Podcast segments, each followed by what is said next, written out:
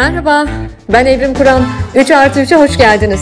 3 artı 3'te konuklarımla birbirimize üçer soru soruyoruz. Keyifli dinlemeler. Herkese merhaba. 3 artı 3'ün yeni bölümüne hoş geldiniz. 3 artı 3'ün yeni bölümünde konuğum avukat Aslı Çelik Hatemi. Aslı hoş geldin yayına.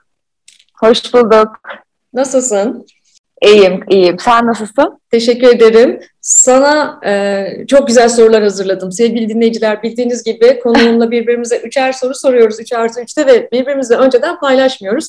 Ama e, konuğum tabii ki bir avukat e, özellikle medeni kanunla çok aşırı neşir bir avukat olunca Hı. sorularımı tahmin edebilirsiniz. Ve Aslı birinci sorum geliyor. Birinci sorum şöyle. Evet.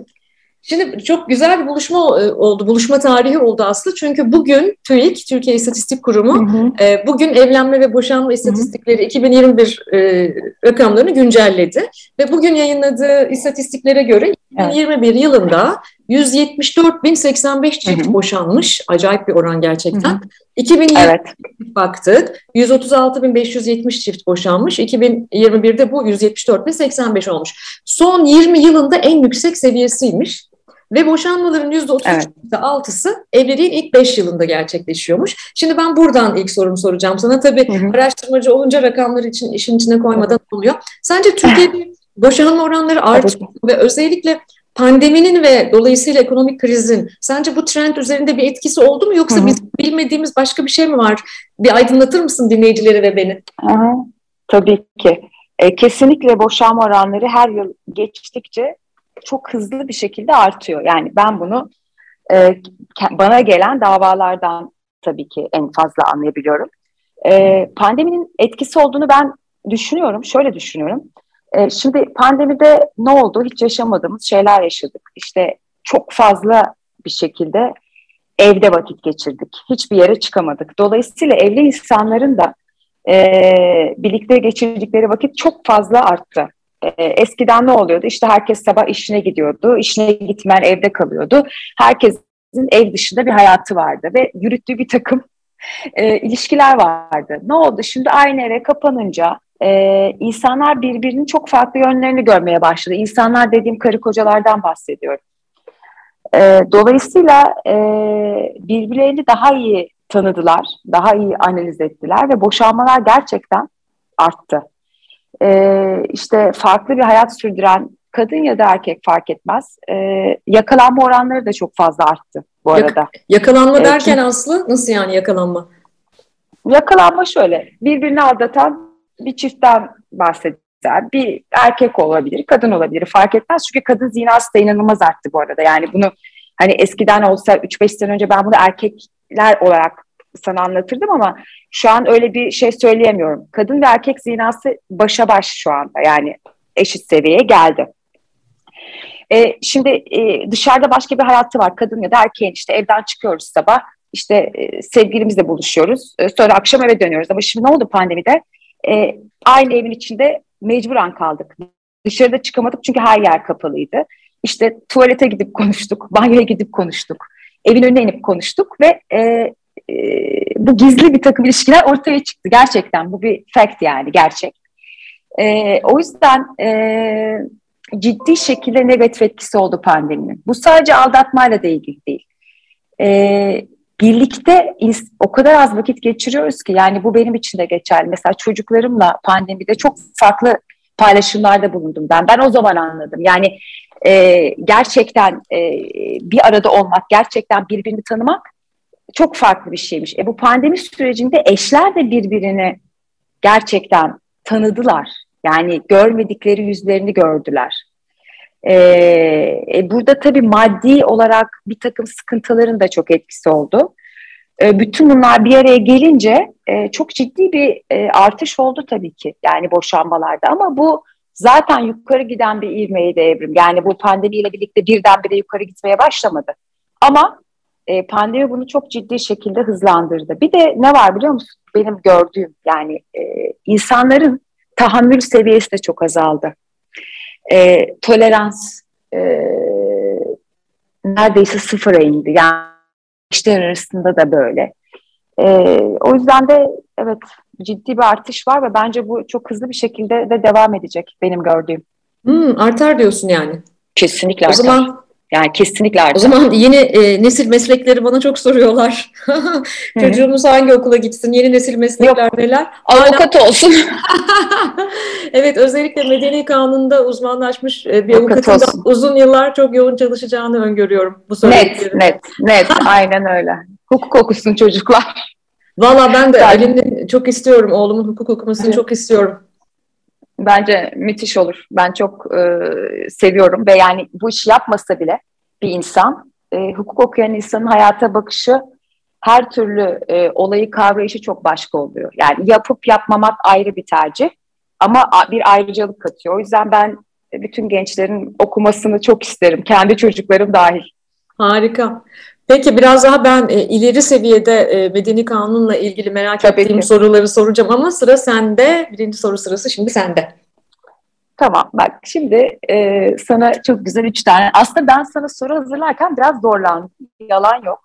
bir kere seni tanıyan biri olarak ve böyle bir sürü sorum oldu ama bunu üçe indirdim. Ee, şimdi ilk sorumu soruyorum sana. Şimdi sen bir kuşak araştırmacısısın ve bence bu işi en iyi yapan insanlardan birisin.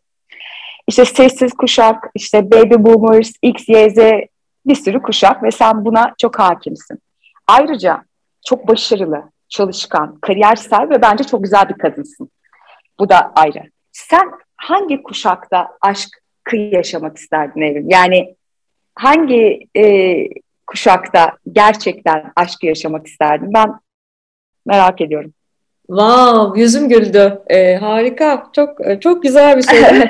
Aklıma şu geldi. Yıllar önce e, bir edebiyat dergisine Kuşaktan Kuşağa Aşk diye bir yazı yazmıştım. Soruyu sen sorarken aklıma o yazıda e, bir referans gösterdiğim geldi.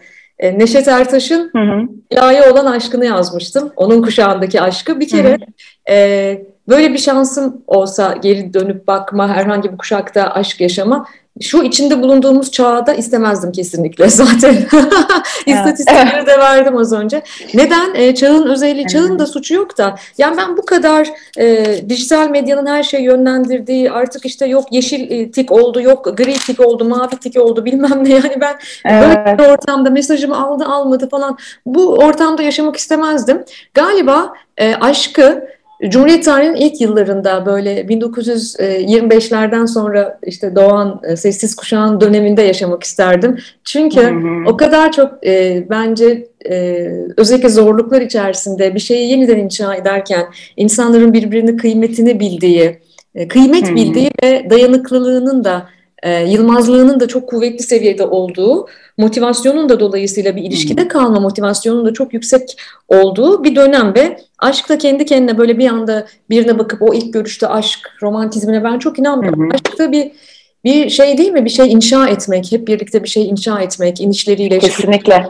Ve tolere etmek ve sabretmek. Ee, böyle dikenli bir yolculuk. Hani o yolculuk için de sabır gerekiyor ve çağımızda en eksikliğini duyduğumuz şey de sabır. Yani e, sen beni de, evet. Instagram'da takip etmiyorsun. Aa beni unfollow etmiş. E, yok beni stalklamış falan evet. gibi aşkı perişan eden, her türlü ilişkiyi perişan eden bir gündemimiz var öyle değil mi? Maalesef. O yüzden bu dönemde istemezdim. Bu dönemde gençlerin de dezavantajlı evet, düşünüyorum. Kaldı evet. ki ben e, sosyal medyasız bir dönemde aşk yaşadım. e, kağıtlara mektup yazdığımız. O zamanlar bile ben Yaşadım. Şanslısın. Değil mi? Ben o açıdan şanslıyım. Yani kağıtlara notlar, mektuplar yazdığımız. Evet, ee, biz biz o dönemi ucundan yakaladık. Yani evet. bizim yaş grubumuz onu yakaladı. Ama şu dönemdeki çocuklara ve gençlere çok bence kaçırdıkları, ıskaladıkları bir takım değerler, bir takım duygular var. Umarım hani e, başka şeyler yerini alır ama e, evet biraz üzücü. Ben tahmin ettim senin öyle diyeceğini. yani e, çünkü aynı fikirdeyim seninle. Evet ya bak zaten e, aslında bak şiirlere, şarkılara bak, edebiyata bak, verilen evet. eserlere bak. Yani hepsi o dönemde çok kuvvetli, çok derin ve e, çok. aşık olmak kolay da değil. Yazar olmak, üretmek, sanatçı olmak, ressam olmak falan bunlar da kolay değil o dönemlerde. Tabii. Zaman ve sabır istiyor. Her türlü üretimde olduğu gibi ve bence aşk oldukça Hı-hı. anarşist bir üretim. Ve o üretimin evet. içinde olmayı pek de tercih etmiyor yeni çağ insanları artık. O da çok hızlı tüketilen bir unsur haline aldı bence. Aynen, aynen. Şimdi, çok. Evet güzel soruydu ya gerçekten Maalesef, bunu e, evet, bunu merak başka ettim. arkadaşlarıma Evet. da soracağım senden aldığım ilhamla. Çok şahane soru. Ve benim Çok merak ettim. Evet soracağım bunu bir sürü insana. Benim ikinci sorum şu. E, epeydir kafama takılan ya, ve takip etmeye Hı. çalıştığım bir konu. E, Hem kendi kişisel deneyimlerimden de yola çıkarak ilgimi çeken Hı. bir konu. 2019 yılında yanlış bilmiyorsam Yargıtay bir karara imza attı. E, çocuğuna bakan taraf nafaka ödemez dedi. Bu karar velayeti anneye verilen çocuğun Hı hı. nafaka yükümlüsü babanın yanında kalması durumunda borçlu babanın nafaka ödemeyeceğine hükmediyor. Hı. Yani şöyle anlıyorum. Bo- Boşanma Hı hı. ve sonrasındaki süreçte ekonomik şiddete maruz kalan, maddi Hı. kayba uğrayan ya da evlilik boyunca küçük çocukların e, bakımı nedeniyle işinden ayrılan ya da yoksullaşan kadınların durumu daha da zorlaşıyor ve kadını sanki daha bağımlı hale getiriyor. Ne düşünüyorsun bu konuda? Yani bu nafaka işini biraz anlatabilir misin? Ne olacak bu konu? Şimdi e, bu soruya şöyle cevap vereyim. Şimdi gündemde olan e, sürekli de haberlerde ve bir takım platformlarda da tartışılan bir nafaka düzenlemesi var. Yasa tasarısı halinde şu an mecliste bekliyor. E, ondan bahsedersem senin bu sorunu da cevaplamış olurum. E, bizim medeni kanunumuzda süresiz nafaka diye bir şey yok. Yani hakimler e, nafaka kararlarını aslında süresiz vermiyor. Fakat yıllar içinde yerleşik bir takım yargıtay kararları olduğu için e, böyle süresiz nafaka uygulamaları söz konusu oldu. Şimdi e, nafakanın belirlenmesinde birçok faktör var evrim. İşte ne bileyim evliliğin süresi, işte tarafların gelir düzeyi, mal varlıkları, yaşları falan gibi bir takım e, kriterlerle nafaka kararları veriliyor. Şimdi yeni düzenlemelere göre bunu bir takım e, yıllara böldüler. Şöyle ki mesela iki yılın altındaki iki yılın altında süren evliliklerde beş yıl nafaka ödenecek. 2 ila 5 yıl arasındaki evliliklerde 7-8 yıl, 5 ila 10 yıl arasındaki evliliklerde 12 yıl, 15 yılın üzerinde süren evliliklerde ise e, evlilik süresi yani 15 yıl işte 16 yılsa 16 yıl boyunca nafaka ödenecek gibi bir düzenlemeye gidiliyor. Şimdi e, tabii burada şöyle faktörler var. Yani e, mesela işte kadın iki yıl boyunca nafaka aldı ve e, işte bitti nafaka süresi ve kadın hala işte çalışamıyor, maddi geliri yok e, ve zor durumdaysa bir geçiş süresi koy, koydular. Bu da iki ila üç yıl sürecek bir geçiş süreci. E, bu geçiş sürecinde de nafakayı almaya devam edecek. E, diyelim ki 2-3 yıl bitti ve kadın hala çalışamıyor. O zaman da işte Aile ve Sosyal Politikalar Bakanlığı devreye girip kadınlara belli bir işte maaş ödeme hususunda bir düzenleme yapılacağına dair işte bir yasa tasarısı hazırlandı. Şimdi e, nafaka e, bence şöyle, yani benim şahsi fikrim şu. E, bir kere çocuk için ödenen nafaka ve eş için ödenen nafaka var. E, aslında bunlar bizim kanunumuzda sınırlı. Mesela çocuğa ödenen nafaka çocuğun reşit olmasıyla sona, sona eriyor kanuna. Aynı şekilde eşi ödenen nafaka da evlilikle sona eriyor. Yani kadın evlendiği takdirde zaten e, kocasının aldığı nafaka ortadan kalkıyor. Keza işte sana söylediğim gibi çocuk reşit olduğunda da babanın nafaka ödeme yükümlülüğü ortadan kalkıyor. Yani aslında bizim şu an mevcut kanunumuzda sınırlar ve süreler var. Ee, şöyle bir serzeniş var özellikle erkek tarafları tarafından gelen. İşte bu haksız bir kazanç haline geliyor. İşte kadınlar bundan işte e, nafaka aldığı için çalışmıyor ve işte yani ve süresiz evlenene kadar nafaka alıyorlar. E, ben böyle düşünmüyorum çünkü maalesef e, bizim ülkemizde nafaka uygulamaları çok yersiz ve yetersiz. E, bağlanan nafakalar e, hiç tatmin edici değil, asla değil. E, ve bence yani yaşan, yaşanan evlilik hayatı boyunca yaşanan standartları çoğu nafakalar maalesef yansıtmıyor. E, şimdi bu beklenen yasa tasarısı bir nebze belki e, bunun önüne geçebilir. Yani o tabii ki bu nasıl uygulanacağına bağlı evrim. Yani bu mesela kadına şiddette de neden bitmiyor, neden bitmiyor diyoruz. Aslında birçok yaptırım var ama uygulanmıyor. Yani e, çok güzel bir yasa tasarısı bu nafaka. Fakat nasıl uygulanacak ben çok merak ediyorum. Önce geçecek mi bu meclisten? Birinci sorumuz. Geçtikten sonra da hakimler bunu nasıl uygulayacak? Yani burada hakkaniyet, işte nafakanın belirlenmesi falan birçok değişken var. Ee, göreceğiz yani e, biraz karışık yani bu yasa tasarısı da ben çok net e, bulmadım. Çok manipülasyona açık bence şu andaki hali. Çok enteresan ama tabii bu yasa tasarısının geçmesini beklediğimiz mecliste 101 e, kadın vekil var. Yani 582 e, 500 e, Maalesef vekilli meclisimizde sadece 101 kadın vekil var vekil var ve biz buradan geçmesini bekliyoruz. Yani e, o yüzden de işte kadınların evet. meclisteki temsil oranları çok önemli değil mi? E, şiddet de tabii kesinlikle çok boyutu. önemli. Yani orayı da ayrıca ben sana soracağım zaten. Hı -hı. E, ama çok önemli bir bilgiydi. Çok teşekkürler. Demek ki biz Türkiye Büyük Millet Meclisi'ne daha çok e, kadın göndermemiz gereken önümüzde çok yakın zamanda bir seçim var. Bunu da dinleyelim. Kesinlikle. Aynen. Aynen kesinlikle yani bunun tek çaresi bu evrim. Yani bu şekliyle yıllardır işte yaşadığımız şekil bu. Bir yere varabiliyor muyuz? Vardığımız yerden memnun muyuz? Ben kendi adıma asla değilim. O yüzden e, inşallah dediğim gibi daha çok kadın mecliste görürüz. Yani benim tek isteğim bu. İnşallah. Ve Umarım. soru sırası sende. İkinci soru sırası sende. Evet. Ee, şimdi ikinci sorum senin bu en son konuştuğumuz şeyle çok ilgili o yüzden onu soracağım. Şimdi senin eğer siyasi bir kimliğin olsaydı, yani kastettiğim siyasi kimlikten karar alma ve bunları uygulama yetkin ve etkin olsaydı, sen Türkiye'de ilk nereden başlardın ve kadınlar için ne yapardın? Wow, çok güzel bir soru gene.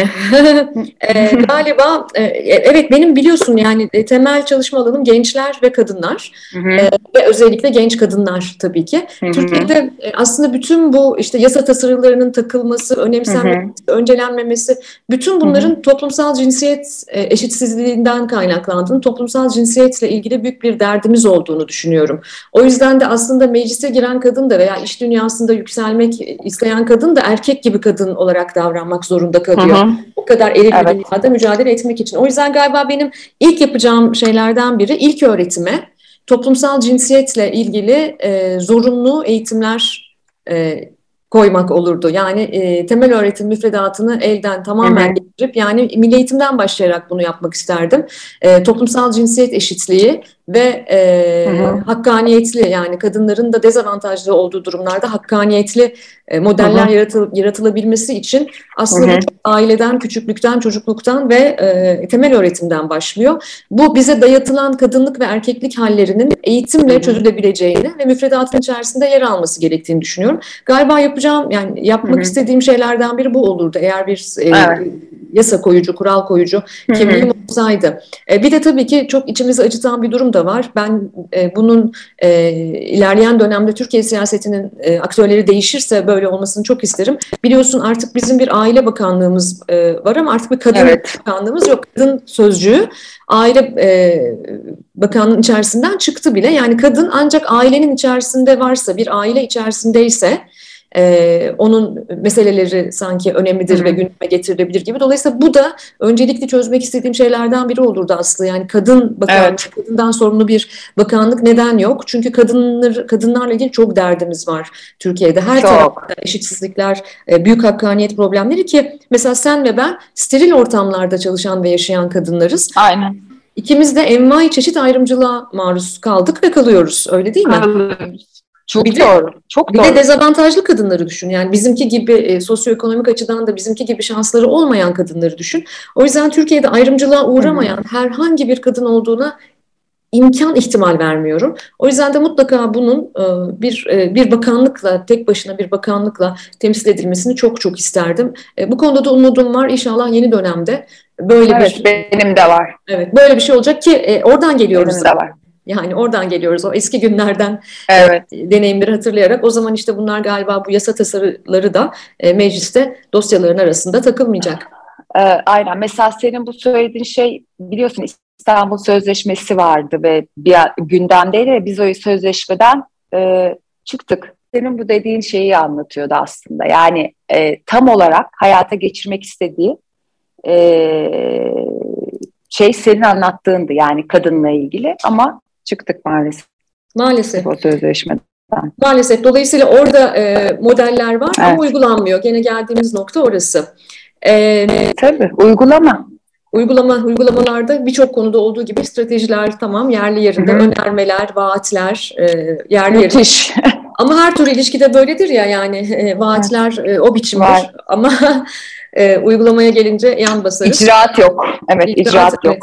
Zaten ben hep şuna inanıyorum. Bu yayınlarda da çok sık söylüyorum. Aslında bütün e, şiddet, dehşet, vahşet, kısaca faşizm iki insan arasındaki ilişkide başlıyor. E, ve evde başlıyor ve ondan sonra işte sokağa, okula, ilişkilere ve topluma yayılıyor. Topluma yayılıyor işte, tabii ki. Topluma yayılıyor. Topluma yayılıyor yani. Net bir durum var. O yüzden e, benim evet. üçüncü sorum da buradan gelecek. Anıt sayacı e, şiddetten ölen kadınlar için e, oluşturulmuş bir dijital anıt. İlk kez duyanlar lütfen e, anıtsayaç.com'a girin bakın. Ben her gün, ben ve araştırma ekibimden hı hı. arkadaşlarım her gün hı hı. anıt sayaça gireriz ve oradaki e, yeni sayı ne olmuş ona bakarız. Hı. Bugün an itibariyle 62. Hı hı. Bu şu demek 2022'de yani daha iki ay oldu 2022'ye biz gireli. 2022'de hı hı. E, maalesef şiddetten dolayı ölen yani öldürülen kadınların sayısı 60 2 oldu. E, merak edenler için 2021'i kaçla kapattığımızı söyleyelim. 2021'de 416 kadın e, maalesef katledildi ve e, evet. erkekler tarafından e, katledildiğini de söylememiz lazım. Evet. Burada hem de Hı-hı. boşanmayla da ilgili bir şeyle bağlayacağım. Sen tabii ki benden çok daha iyi biliyorsun. Hı-hı. Ben bunları ne zaman işte bu kadınların hikayelerini çok takip etmeye çalışıyorum Aslı. Yani Hı-hı. ne oldu, nasıl Hı-hı. oldu? Ee, özellikle mesela neden özellikle boğazını kesip öldürüyorlar bu kadınların? Hı-hı. Ve bu adamlar Hı-hı. kimler diye baktığımızda genellikle yüksek oranda da e, nişanlısı, eski eşi, kocası gibi aslında çok yakın çevresindeki erkekleri görüyoruz. Bence e, şöyle bir şey duyuyorum. Yani Türkiye'de kadınların boşanmak istemesi ya da ayrılmak istemesi, Hı-hı. boşanmak istemesi erkekler tarafından bir e, sanki o hegemonik erkekliğe bir meydan okuyuş olarak görülüyor. Yani Tabii. sanki boşanma toplumsal cinsiyet normlarının ihlali olarak algılanıyor ve birçok kadın cinayetinin de bazını oluşturduğunu düşünüyorum. Yani hı hı. E, ama medyada şöyle yapıyor aslında. Mesela hı hı. medyanın da bu şiddeti meşrulaştıran bir tavrı var bence. Medyada hep şöyle hı hı. yer alıyor. Boşanmak isteyen eşini öldürdü. Hı hı. Aynen. gibi manşetlerle yer alıyor. Ee, ben e, boşanmak istemeyi sanki bir suçmuş gibi lanse ettiğini düşünüyorum hala 2020 yılında medyanın da. Dolayısıyla evet. biz e, e, özür dilerim ama buna erkek şiddeti demek zorundayım. Bu evet. e, bir hal, bu bir gerçeklik. Bu erkek şiddetiyle özellikle bu boşanmak Hı-hı. isteyen, ayrılmak isteyen eşi öldüren erkekler biz nasıl mücadele Hı-hı. edeceğiz? Yani hukuk e, ve çok çoğunda aslında uzaklaştırma kararı olduğunu da görüyoruz mesela. E, bunları incelediğimizde ne var biliyor musun? Şimdi bu istatistikleri söyledin ya, sen o istatistiklerde ölen kadınların tek tek dosyalarına baktığında aslında bu katledilişlerin, bu cinayetlerin ben geliyorum diye bas bas bağırdığını görüyorsun. Yani e, mesela şöyle, defalarca kadın uzaklaştırma kararı alıyor. Bak defalarca. Bu kararlar ihlal ediliyor. İkinci de gözünü patlasın bu adamlar sokakta geziyor. Yani e, bizde biraz önce dedin ya icraat. Bizde çok güzel e, kanun maddeleri, çok güzel e, düzenlemeler var. Türk Ceza Kanunumuz şahane ama uygulanmıyor. Anladın mı? Yani uygulanmıyor. Caydırıcı hiçbir ceza verilmiyor. Yani o yüzden de şöyle bir mantalite var. Yani ne olacak? Öldürürüm, 5 yıl yatar çıkarım, 6 yıl yatar çıkarım. Zaten yaralarsam hani en fazla duruşmaya kadar e, kalırım hapishanede. Ondan sonra çıkarım. E zaten bu insanların, öldürenlerin e, e, eğitim düzeylerine bak, e, toplumdaki yerlerine bak zaten anlaşılıyor. Yani caydırıcı ceza olmadığı müddetçe bunların önüne asla geçilemez. Yani e, öldürülen kadınlara ben e, mümkün olduğunca gerçekten bu dosyaları e, yanında çalışan avukatlardan istiyorum. inceliyoruz, bakıyoruz. Zaten kadın feryat ediyor. Ya bu adam beni öldürecek defalarca uzaklaştırma kararı alınıyor. Yani uzaklaştırma kararı alıyorsun. Uzaklaştırma kararı da artık şey oldu. Her, hepimizin dilinde pelesenk oldu. Çünkü o kadar kolay alınıyor ki. Ama arkası yok. Şimdi alıyorsun kararı. Mesela ihlalde 3 ila 10 gün arası hapis cezası var. Mesela neden 10 gün? Anlatabiliyor muyum? Yani şimdi bir karar alınmış. Ciddi bir e, tehdit var. Şiddet, işte ölüm tehdidi, hakaret, her şey var. Sen gidiyorsun hakime başvuruyorsun ya da savcılıktan da alınabilir bu kararlar bir karar alıyorsun. Ve bu adam sonuçta Türkiye'de yaşıyoruz, hukuk devletiyiz. Türk mahkemesinin verdiği kararı ihlal ediyor. Tamam mı? Bu ihlale karşı sen sadece 3 ila 10 gün arası hapis cezası verirsen bunların önüne geçme imkan ve ihtimali sıfır. Yani bunlar artar. Yani çok ciddi caydırıcı bir takım hükümlerin yeni ek düzenlemelerin gelmesi lazım. Ve bunların da uygulanması lazım. Yine bir şiddet mağduru bir kadın televizyondaydı. 109 yerinden bıçaklamış adam. Bak 109. Ölmemiş kadın. Ve adam basit yaralamadan dışarıda ya. Yani bunun ya bu, bu ikinci hamlesinde bu kadını öldürecek. Şimdi bunun önüne geçme böyle olayların önüne geçebiliriz. Tabii ki hepsinin geçemezsin ama bu sayıları azaltabiliriz. Ama azaltmak için çok ciddi yaptırımlar, yeni ek yaptırımlar gelmesi bunların da uygulanması lazım. Yani bunun başka bir çözümü yok. Bana göre yok yani. Çok e, enteresan bir durum bu gerçekten. Hatta e, öyle de boyutları var ki işte e, iyi davranan, mahkemede efendi olan, takım elbise giyen, kravat Tabii. takan, e, Tabii. E, bir de işte e, birazcık da böyle dini referanslar vererek konuşanlar falan e, sempati de görüyorlar. Hatta ben geçen gün şöyle bir şey e, gördüm Hı-hı. medyada. Hı-hı. E, apartman görevlisine e, Hı-hı. yani yaşadığı apartman apartman görevlisi 53 yaşında apartman görevlisi bir Hı-hı. kadına e, tecavüz, evet. tecavüz edip sonra da boğazını keserek öldüren e, bir e, genç bir e, adam öyle enteresan ki onun açıklamasını okudum. Diyor ki konuların böyle olacağını bilseydim net bir şekilde intihar ederdim diyor. Yani diyor ki 3-5 yıl yatıp çıkmayacağımı bilseydim diyor. Hı hı. E, intihar ederdim diyor. Kendisine ağırlaştırılmış müebbet verildi ki umarım yani. Evet. Ama diyor ki ben böyle olacağını bilseydim intihar ederdim. Yani e, Oradaki referans da çok enteresan. Tabii. Biz bunlarla her sosyoekonomik seviyede karşılaşıyoruz değil mi Aslı? Yani bunun e, e bölgesi, Aynen, onu dedim. sosyoekonomisi yani, yok. Hayır, asla yok. Senin bu bahsettiğin olaydaki öldüren çocuk e, bayağı spor akademisi mezunu bir spor hocası biliyor musun? Evet, yani evet, o, evet. Yani bu adam üniversite okumuş bir adam. Yani bunun eğitimle, bulunduğun sosyal çevreyle asla ilgisi yok. Yani e, bence yok. Yani her seviyede bu var. Şimdi öldürmenin bir bahanesi olabilir mi? Yani benim bunu bak hukukçu olarak bile aklıma almıyor. Yani beni aldattı, öldürdüm. İşte bana küfür etti. Bunlar da biliyorsun hafifletici sebep. Bunların yüzde 99'u da doğru değil bu arada. Hı hı. Yani e, ölmüş bir insan var. Şimdi küfretti bana diyor. İşte erkekliğime küfretti. Bu böyle bir erkekliğine küfretmek bir ceza indirimi getiriyor bu adama. Ya da işte beni aldattı diyor. E işte mesaj yakaladım. Ya bunların çoğu da doğru değil. E bu, bunlar bunlarla indirim alıyor. Ya bunları bilerek yani adamlar bunu öldürürken ya da öldürmeye teşebbüs ederken gerçekten bir takım hesaplamaları ise ki bu kadına bir zarar verdiği zaman ömür boyu hapisten çıkamayacak. Sence yapar mı? Birçoğu bundan vazgeçer ben eminim. Yani bunun e, yaptırımla bence çok ilgisi var ve çok ağır cezaların böyle sonuna kadar uygulan, uygulanması gerekir. Onun dışında ben bunun bir e, çözüme kavuşacağını hiç düşünmüyorum yani. Çok acı. Katılıyorum sana. Hukukçu değilim ama gözlemlerimle buna katılıyorum. Ağır yaptırımlara çok ihtiyaç var. İşte bu genç çocuğun da söylediği gibi çok. böyle olacağını bilseydim diyor. Yani bu kadar ağır bir yaptırımla karşılaşacağımı bilseydim ben de kendimi öldürürdüm diyor. Yani bakar mısın ne kadar komik bir şey. Yani bir insanı öldürüyorsun. Yani ne karşılaşacağını düşünüyorsun. Mantık yani ne bekliyorsun? İşte bu kafa yani ben 3-5 yıl yatar çıkarım. Anlatabiliyor muyum? Yani şimdi onu düşünerek, yani bunu aslında planlayarak, bilerek, isteyerek yapıyorlar bunlar. Halbuki işte bak bilseymiş intihar edermiş. Anladın mı? Yani bilse ömür boyu çıkamayacak. Yapmayacak işte bu adam bunu belki.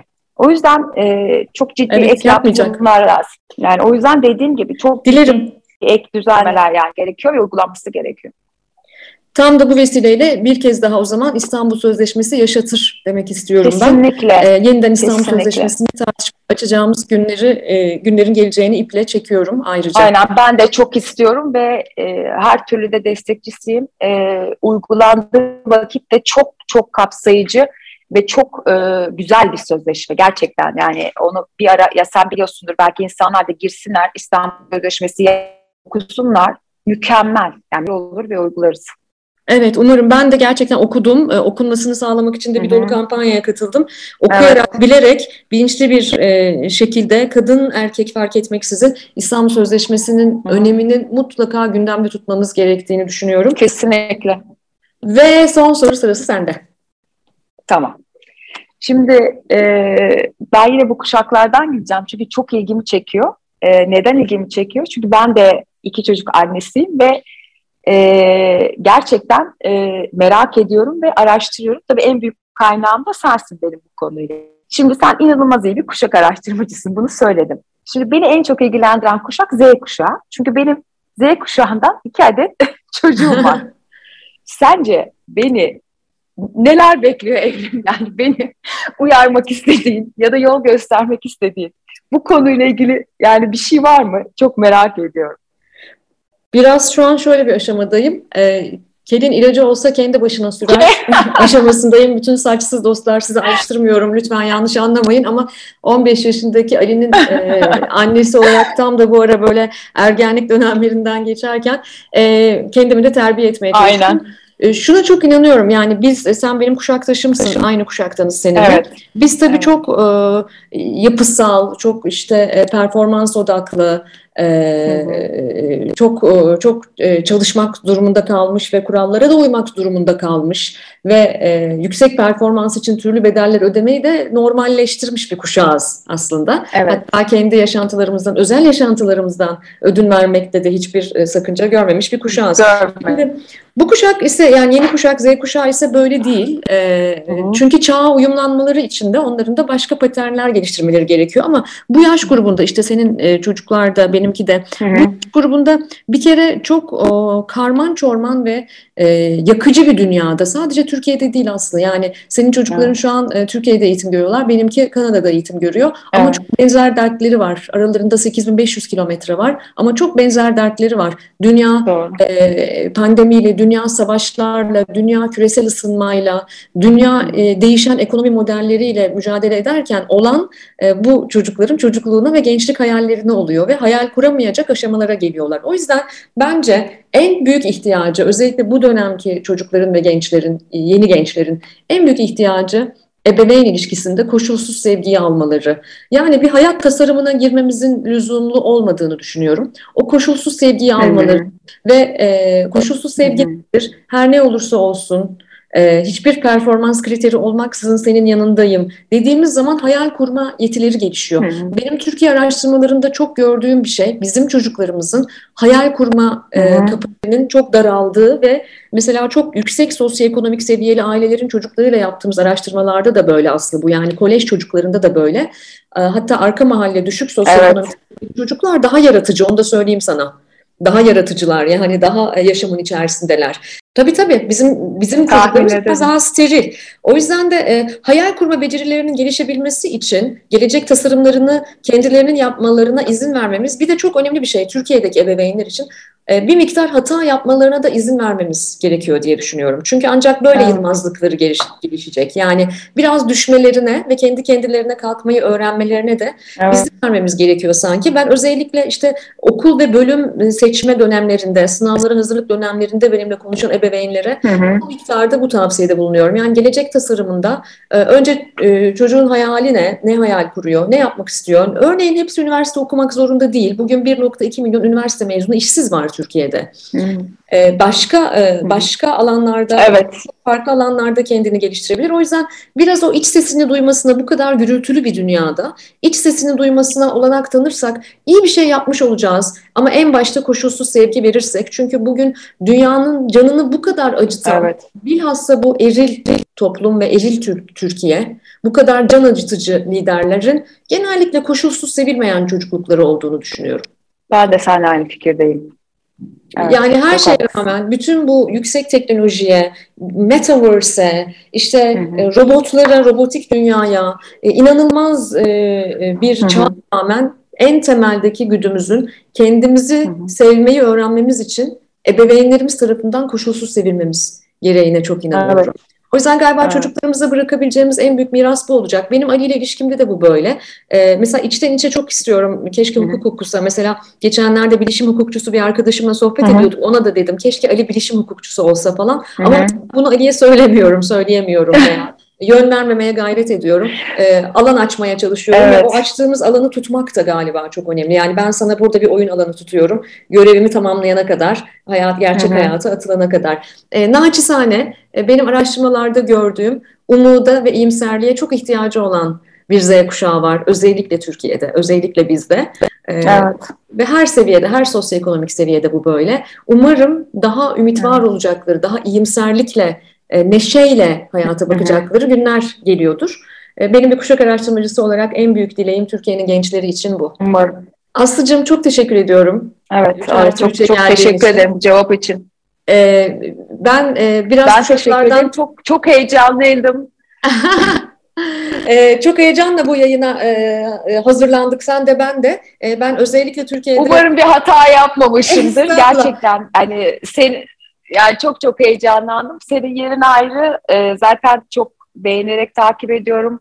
Bütün podcastlerini dinliyorum. Ee, umarım bir hata yapmamışımdır. Estağfurullah. özür dilerim. Estağfurullah. Şey Bu e, 3 artı 3 dost dosta bir sohbet. E, bizim seninle bir masaya oturduğumuzda e, sorduğum şeyleri, evet. senin bana sorduğun şeyleri burada işte e, dinleyicilerle, dost sohbetlerimizi dinleyicilerle paylaşıyoruz. Çok farklı ilgi evet. alanlarından, uzmanlık alanlarından e, dostlarımın olması benim bu hayattaki en büyük zenginliğim. Senden de kafama takılan, e, özellikle medeni kanunla ilgili kafama takılan e, ve kadının e, söz sözde koruyan, Hı-hı. kadını sözde koruyan Türk Medeni Kanunu evet. ilgili kafama takılan her şeyi ben sana yüz yüze de soruyorum. Şimdi burada yayında e, daha evet. paylaşma fırsatımız oldu. Geldiğin için çok Hı-hı. teşekkür ediyorum. Ben çok çok teşekkür ederim. Çok keyif aldım. Görüşmek üzere Aslı'cığım. Görüşürüz Ebru'cum. Çok teşekkürler. Bay bay.